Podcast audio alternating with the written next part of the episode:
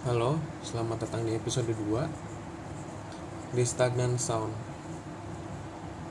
Podcast yang gue buat karena gue pengen banget ngobrol sama orang-orang terdekat gue Yang gue sendiri gak bisa ketemu langsung. Entah karena pandemi atau emang jauh atau emang lagi gak ada waktu semuanya. Hari ini gue bakal ngobrolin atau gue suka gue pengen ngomongin soal film perang yang gue suka. Ada banyak film perang yang gue suka. Hmm, gue mention satu-satu gue mention satu-satu sambil gue jelasin. Rinci aja. So untuk teman-teman yang ngerasa gue pengen nonton di film bisa di skip nontonnya atau dengerin podcastnya nanti setelah nonton. Anyway film yang gue tonton yang gue suka tuh satu ada Midway ada 1918 ada Band of Brothers Saving Private Ryan Iwo Jima The Flag of Our Fathers Fury sama White Tiger. Oh iya ada dua lagi. Yang satu judulnya Emperor yang satunya lagi judulnya Emperor in August dimulai dari Midway. Ini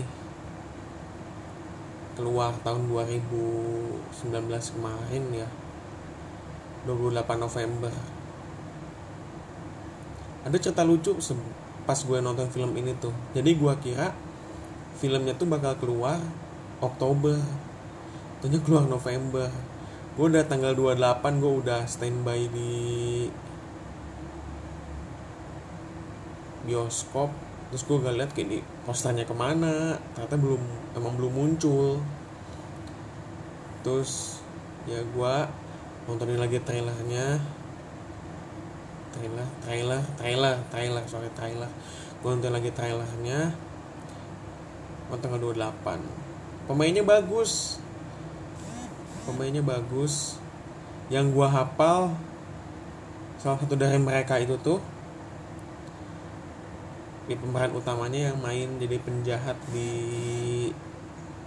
namanya jadi penjahat di Deadpool. Si Ajax Ajax Francis ya. Gue lupa namanya. Terus yang salah satu, salah satu yang gue inget cuma Nick Jonas doang. Overall filmnya menurut gue bagus. Bagus karena pembangun ngebangun ceritanya si sutradaranya kan si Emmerich ya. Eric Emmerich I don't know. Ya dia ngebangun ceritanya bagus dari awal pertempuran Pearl Harbor dulu. Dia dia ngebangun kenapa kenapa nanti akan ada penyerangan Midway. Dia ngebangun ceritanya itu. Terus dia sebutin ada pas setelah Midway itu ada kejadian apa aja ternyata uh, Nimitz diundang ke Washington untuk ngobrolin lagi keserangan ke Jepang nanti gimana dan terus maju ke ya sini kebanyakan di atas kapal perang. Yang mana kapal perangnya sendiri kan di, di kalau kalian baca di koran-koran atau di berita-berita online bilang kapal yang dipakai untuk syuting Midway itu kebanyakan udah gak pada ada. Kayak Lexington Lexing Lexington terus tuh Enterprise Yorktown. Gak tau York Yorktown masih ada sorry Yorktown masih ada Yorktown masih ada. Enterprise itu sebenarnya Yorktown class. Terus tuh tapi ke tapi pesawat pesawatnya masih ada. Pesawat pesawat model kayak Grumman, Wildcat, Avenger masih ada. Nah um, di film itu tuh dicerit, dikisahin tuh menurut gua ya bagus. Selain penoko eh, selain pembangunan alur latar belakang dari ceritanya. Efeknya juga efeknya juga memuaskan gitu. Bener-bener kayak kita dibawa berasa kayak itu tuh tahun 1942 kan terus latarnya kan 6 bulan 7 bulan setelah setelah penyerangan Pearl Harbor kan. Pokoknya kita berasa dibawa ke tahun 1942 um,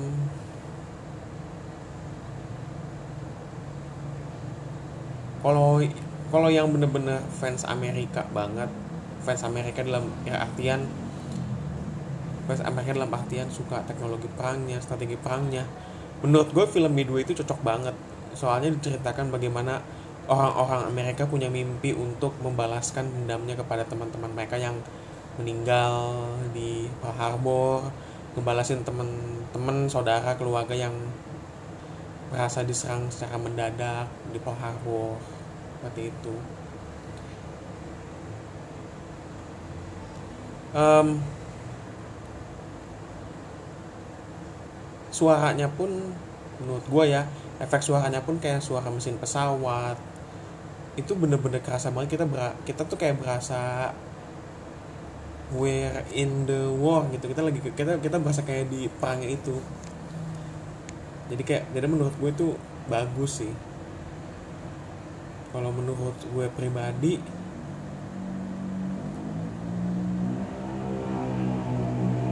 ya ada motor. Itu bukan besar itu rumah gue gak di pinggir lapangan udara ya. Itu suara motor.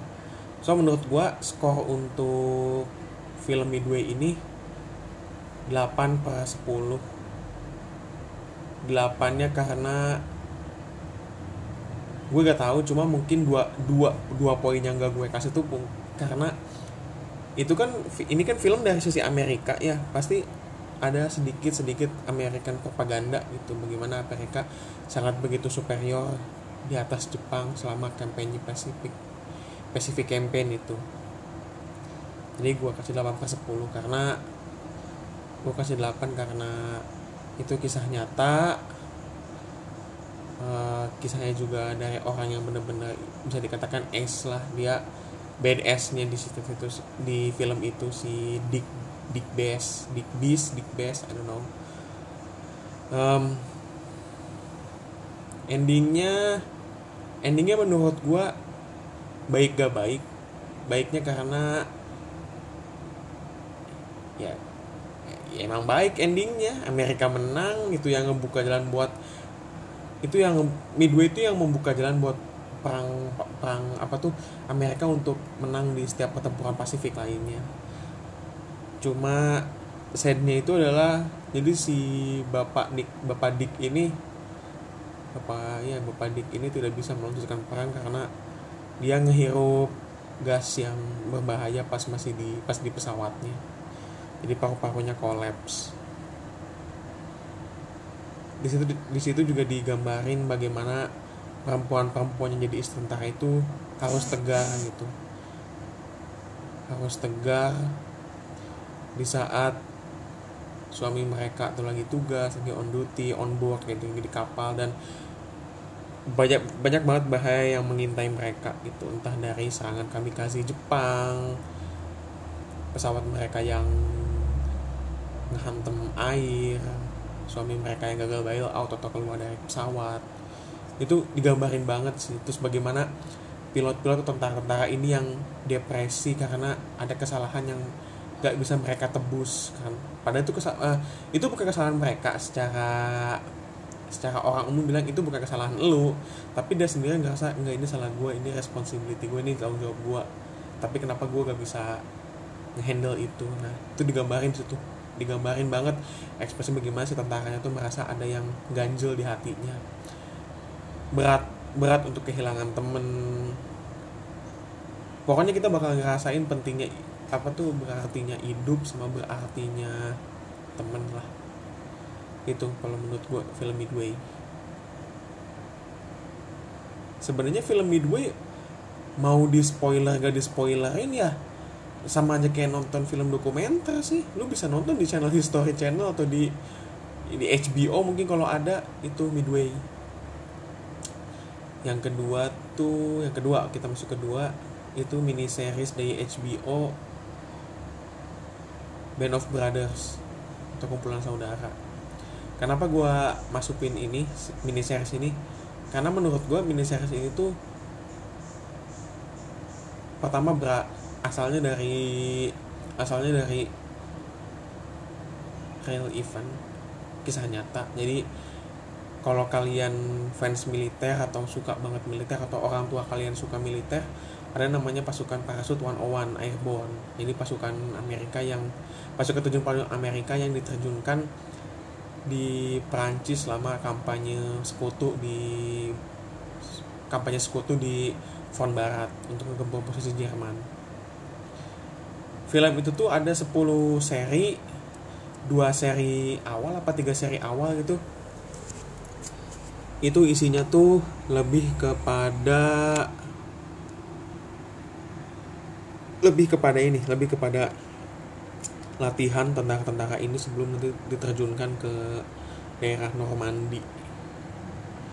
Pemerannya banyak banget. Ada ada Michael Fassbender yang jadi Magneto.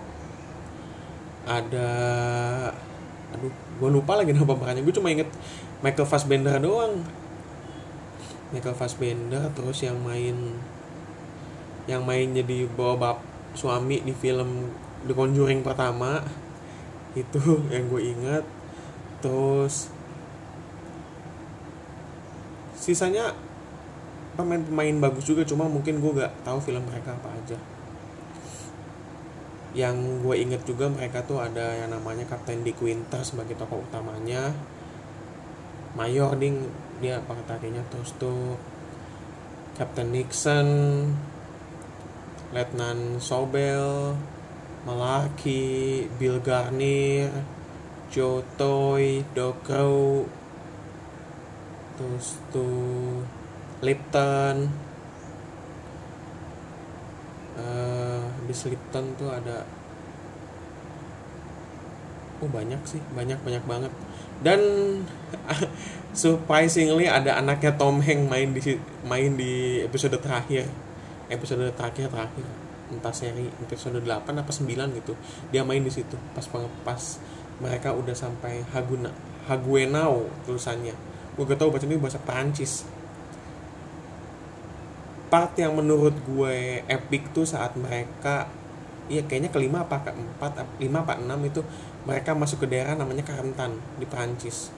Jadi pas mereka masuk pas mereka ingin nge-bridge daerah itu mereka langsung dihujani sama peluru dari, dari pasukan Jermannya. Terus mereka langsung berbunyi ke parit eh, tembakan berhenti tapi tetap masih pada diem di parit tanda tendangin maju maju maju.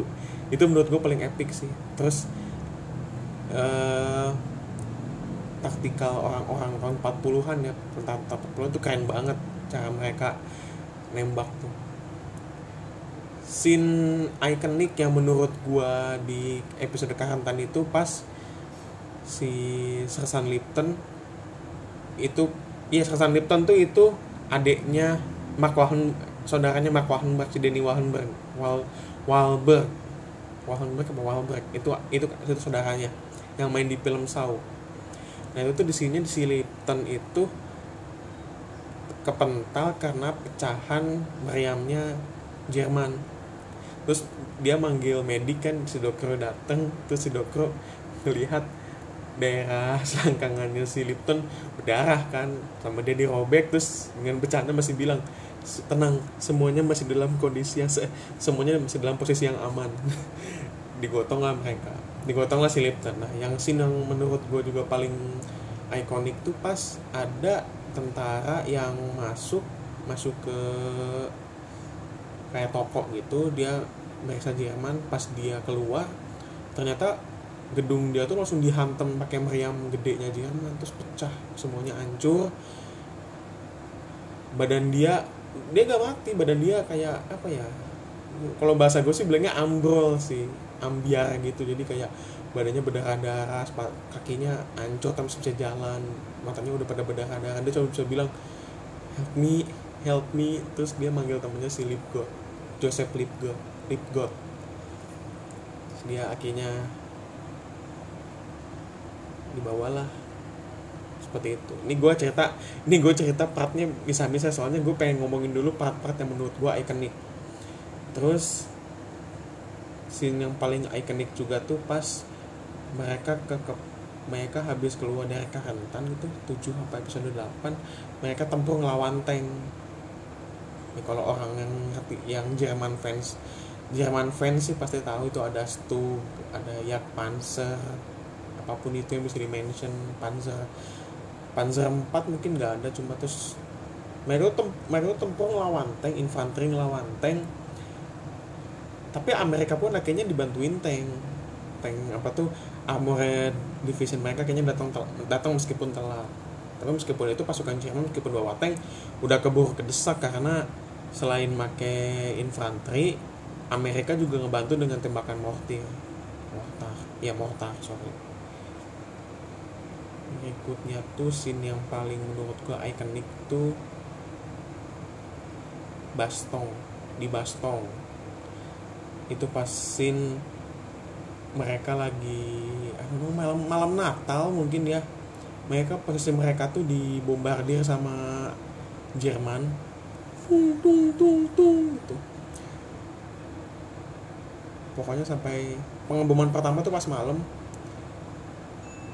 Ada mbak iya Martinez si Martinez pengen masuk ke lubang temennya. Lubang temennya malah kehantem sama ini malah kehantem sama shell dari si Meriam itu. Itu pengeboman pertama. Pengeboman kedua tuh yang lebih epic juga lebih pas siang-siang pagi-pagi ke siang lah. Itu lebih itu tuh sad itu menurut gue tuh sadis tapi kayak bro perang lebih sadis bro daripada lu kehilangan sesuatu di, di punya lu gitu. Karena gue lihat jadi si Don Malaki sama si Jotoy si nggak eh bukan Malaki sorry Bill Garnier tuh dia pengen lari tapi dia tuh bener gak direct hit sih. Pokoknya dia tuh deket banget sama Sheila sampai kaki dia tuh putus. Kaki dia putus ngerang-ngerang tapi masih dalam suasana pengeboman. Si ini si Jotoy dia ngebantuin pas ngebantuin si Jotoy juga kena telak lagi kakinya. Jadi si Bill Garnier kakinya putus satu si Jotoy kakinya putus satu terus yang paling goblok tuh sini si Bill Garnier ngerang sama si Jotoy ngerang-ngerang sakit tapi pas diangkut pada si pas diangkut duluan si Bill Garnier malah bilang gini lihat ya kasarnya bilang gini kayak lihat ninjing. Kakek gue putus gue pulang duluan ya kayak gitu. Itu sih paling gokil. Pokoknya udah sampai season eh, episode ke ya 8 9 10 atau 9 10 tuh tuh lebih kayak bagaimana Jerman tuh? Sorry sorry. Ya 8 9 tuh eh 9 10 atau 8 9 10 tuh lebih kayak ke Jerman eh bagaimana Amerika merekon merekonstruksi kembali tatanan hidup Jerman sudah menyerah di season 8 eh di season di episode 8 nya tuh bagaimana orang-orang Amerika ini menemukan camp konsentrasi dan membebaskan para tahanan Yahudi kayak gitu biasa. Gue ya bisa dibilang itu juga political campaign karena ya political campaign karena emang ya Jerman emang saat itu emang ngurung Yahudi banyak di situ. Dan itu pun diekspos oleh Amerika dan sekutu-sekutunya untuk membuat posisi Jerman lebih terpuruk gitu. Karena di camp Yahudi itu, itu juga selain ada selain ada ini selain ada orang Yahudi ya ada orang Polandia ada orang Rusia ada orang ya banyak banget itu. Pokoknya mereka tuh gak dikasih makan di ditemukan di makanya jujur gue nonton episode itu gue nangis loh kayak eh kok eh gini ya ternyata ya kondisi konsentrasi ya? Jadi kalau ada yang ngejokes ngejokes dark konsentrasi tapi belum tahu itunya ya lu lihat dulu deh film Band of Brothers meskipun ada yang bilang oh, itu mah propaganda Amerika lu lihat dulu itu tuh mereka film Band of Brothers tuh pandangan dari veterannya veteran Amerik ya kalau ada propagandanya itu mungkin dari ada pihak pihak produksi. Tapi kan yang lihat langsung kan tentara-tentaranya. Jadi nonton dulu Band of Brothers. Scene pokoknya terakhir-terakhirnya itulah lebih kepada lebih kepada ya cerita-cerita tentang Amerika selama masih di Jerman. Oh ya ada Tom Hardy, Tom Hardy masih muda. Tom Hardy masih muda, James McAvoy masih muda. Sayang James McAvoy itu meninggal di episode 7 gitu yang pas di bagian di Belanda. Dia dia perannya jadi Private Miller. Iya, Private Miller. Kasian banget ya. Nah, kalau ngebahas kalau ngebahas awalnya sih ya lebih kayak latihan latihan tentara sebelum dipersiapkan. Kalau ada yang tertarik juga untuk nonton kayak behind the scene atau bloopersnya di YouTube banyak kok.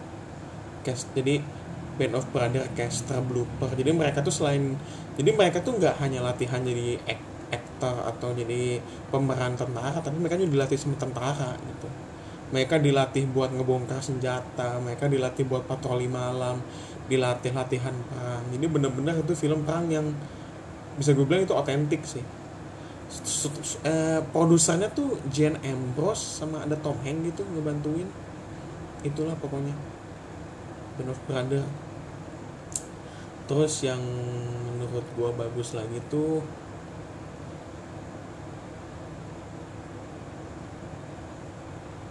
um, ada dua nih. Ini tuh dari sudut pandang Amerika sama Jepang.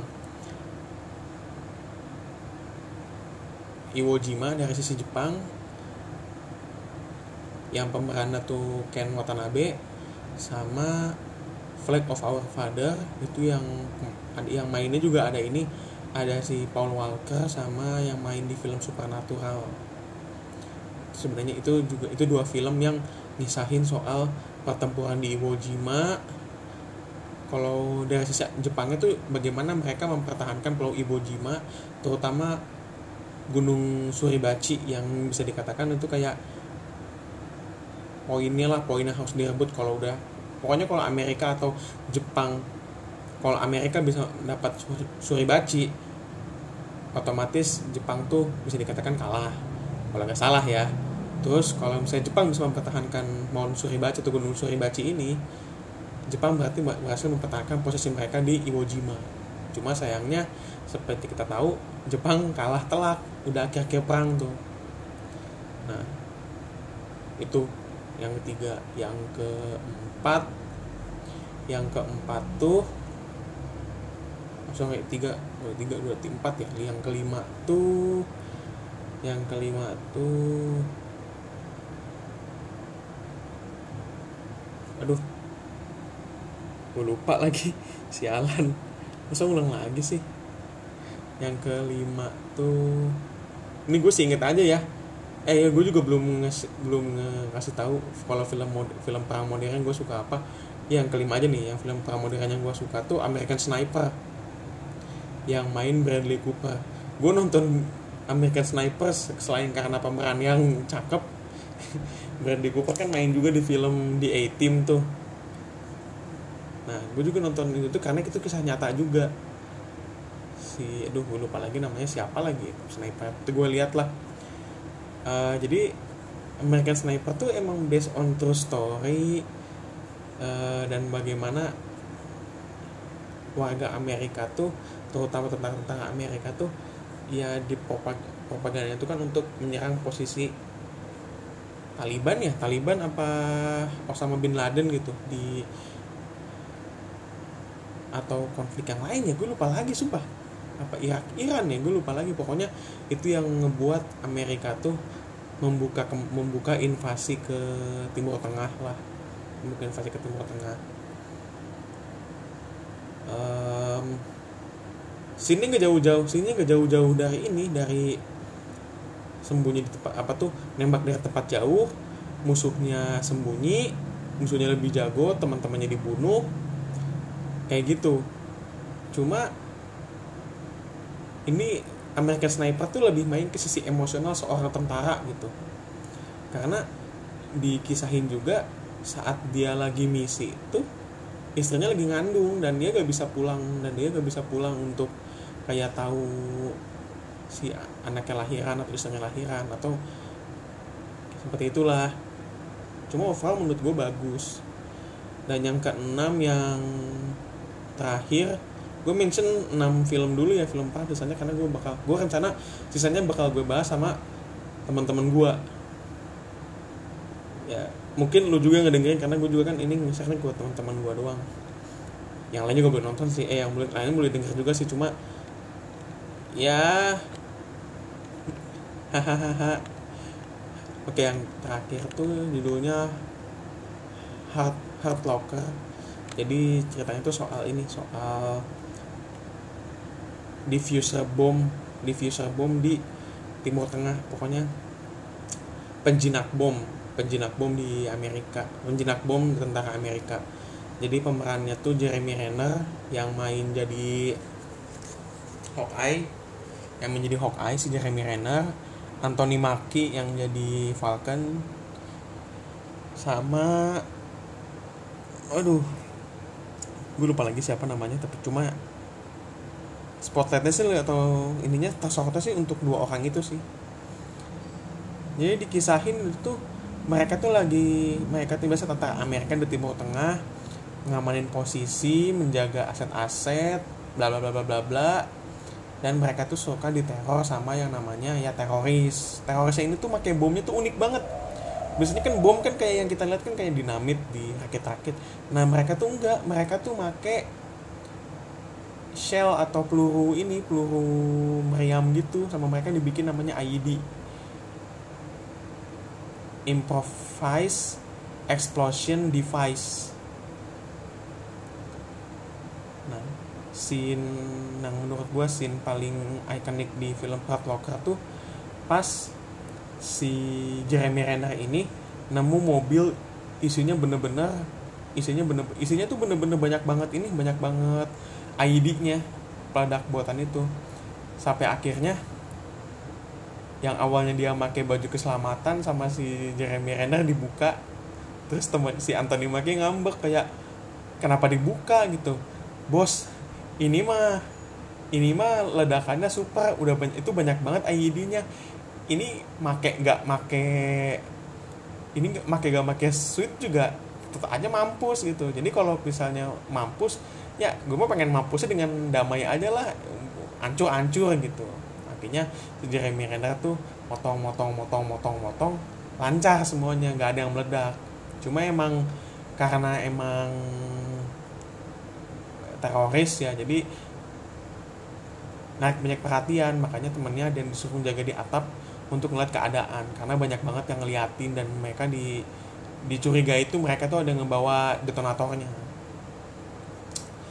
Suatu sama scene paling sorry, scene paling uniknya scene paling ikoniknya lagi tuh pas mereka habis ngegeledah ini ngegeledah kayak gudang gitu I don't know gudang mungkin gudang.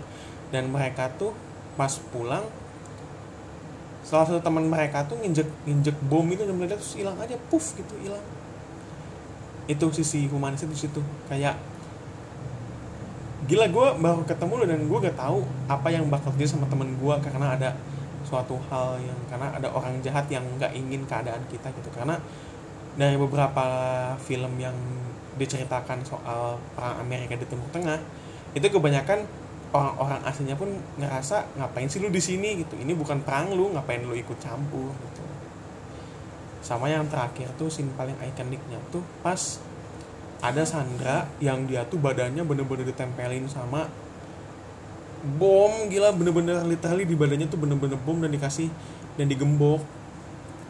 Dia gak bisa cabut si Jeremy Renner nyoba buat nyabutin dulu bomnya yang ditempel di rompi jadi rompinya tuh di locknya pakai pakai gembok.